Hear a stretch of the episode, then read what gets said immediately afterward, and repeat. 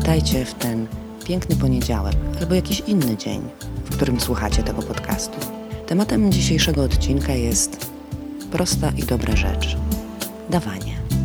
Naukowcy z Uniwersytetu Michigan zbadali ten wątek i doszli do tego, że dawanie zmniejsza stres, poprawia zdrowie psychiczne i fizyczne, działa pozytywnie na emocje, a te, jak wiadomo, mają duże znaczenie w naszym codziennym i odświętnym życiu. No i świetnie. Ja się bardzo z tego powodu raduję. Od dziecka uczą nas, by być hojnym i się dzielić. Przynajmniej dzieci, które dorastały, wtedy kiedy ja dorastałam. Pytanie jednak jest takie, czy zauważyliście, że z dawaniem jest tak jak ze wszystkim? Lepiej nie przesadzać. Często można usłyszeć albo nawet zaobserwować, jak Krystyna czy Zdzisław, jeśli tylko mogą, to natychmiast załatwią mieszkanie brata cioci wujka dziewczynie. Choć ta nawet Krystyny nie zna i wcale o to nie prosiła. A Zdzisław wieczorem w łóżku zastanawia się, jak tu pomóc swojemu koledze w księgowości. Choć w ogóle się na tym nie zna. Okazuje się, że świat jest przepełniony zmęczonymi ludźmi bez energii, którzy mają nieustającą potrzebę pomagania. I nawet jak na twarz padną, niektórzy czy niektóre, jak po tej twarzy dostaną, to się nie nauczą, żeby nie pomagać wszystkim na siłę. Ekstremalnym przypadkiem tego zjawiska jest żona, która musi pomagać swojemu mężowi alkoholikowi albo też totalnemu leniowi. Musi, bo inaczej się udusi. Pomagacze mają generalnie tendencję do wypluwania się z energii w związkach, nie tylko miłosnych. Nie wszyscy, ale większość rozdawaczy energii potrzebuje pomagać partnerowi czy partnerce, oddawać dużą część swojego życia przyjaciołom i krewnym królika.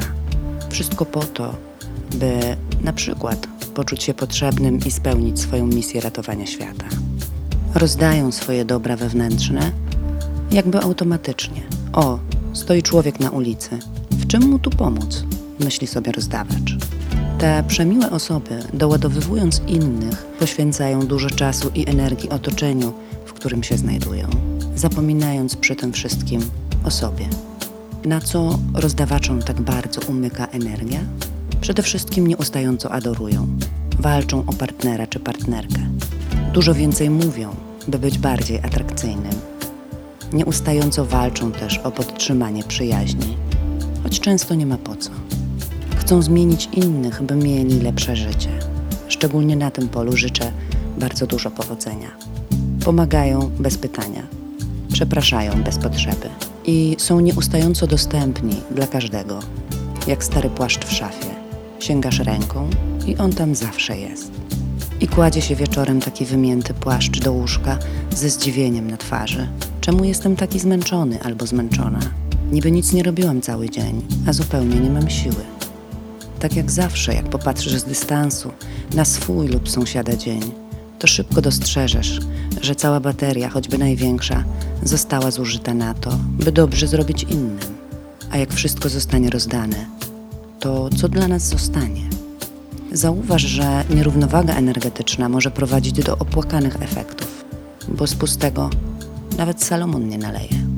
Na szczęście dużo się teraz mówi o self-love, ale może zamiast o tym mówić, warto to wprowadzić do codziennego życia. Czyli najpierw popatrzeć, jak dbają o ciebie twoi przyjaciele, ile w relacjach dajesz, a ile dostajesz. I nie jest powiedziane, że dawanie albo branie jest lepsze lub gorsze, ale przecież we wszystkim ważna jest równowaga. Jak często wyskakujesz przed szereg, czyli pomagasz innym, zanim cię jeszcze o to poproszą. Czy prosisz kogoś o pomoc w dużych i małych sprawach, czy też może wolisz samemu dźwignąć ten temat? Jeśli rozdajesz swoją energię na prawo i lewo, to zadaj sobie pytanie: po co to wszystko robisz? I czy to, czego oczekujesz od innych i dajesz, możesz w jakimś stopniu dać sobie sam albo sama wysłać do siebie? Często spotykam się z takim opisem klientów czy klientek. Z łatwością wysyłam dobrą energię, współczucie i ciepło innym, ale nie potrafię tego wszystkiego skierować do siebie. A to jest w zasadzie sprawa podstawowa. Może warto to, co jest wysyłane tym, których kochasz, podziwiasz i lubisz, zacząć też wysyłać do siebie. Zaopiekuj się sobą.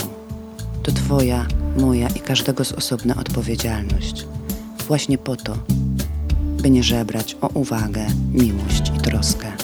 Jeśli nie zatroszczysz się o siebie, nie uszanujesz swojej energii, odbicie tego zobaczysz bardzo szybko w każdej relacji, a sił będzie coraz mniej. Warto więc zacząć kolejny dzień od naładowania własnych baterii. Zadbanie o siebie, wbrew pozorom i programom, jakie mamy zapisane, może być najlepszą rzeczą, jaką możemy dać światu. I pamiętaj, nie ma później. Zacznij już w tej chwili. Ciałko.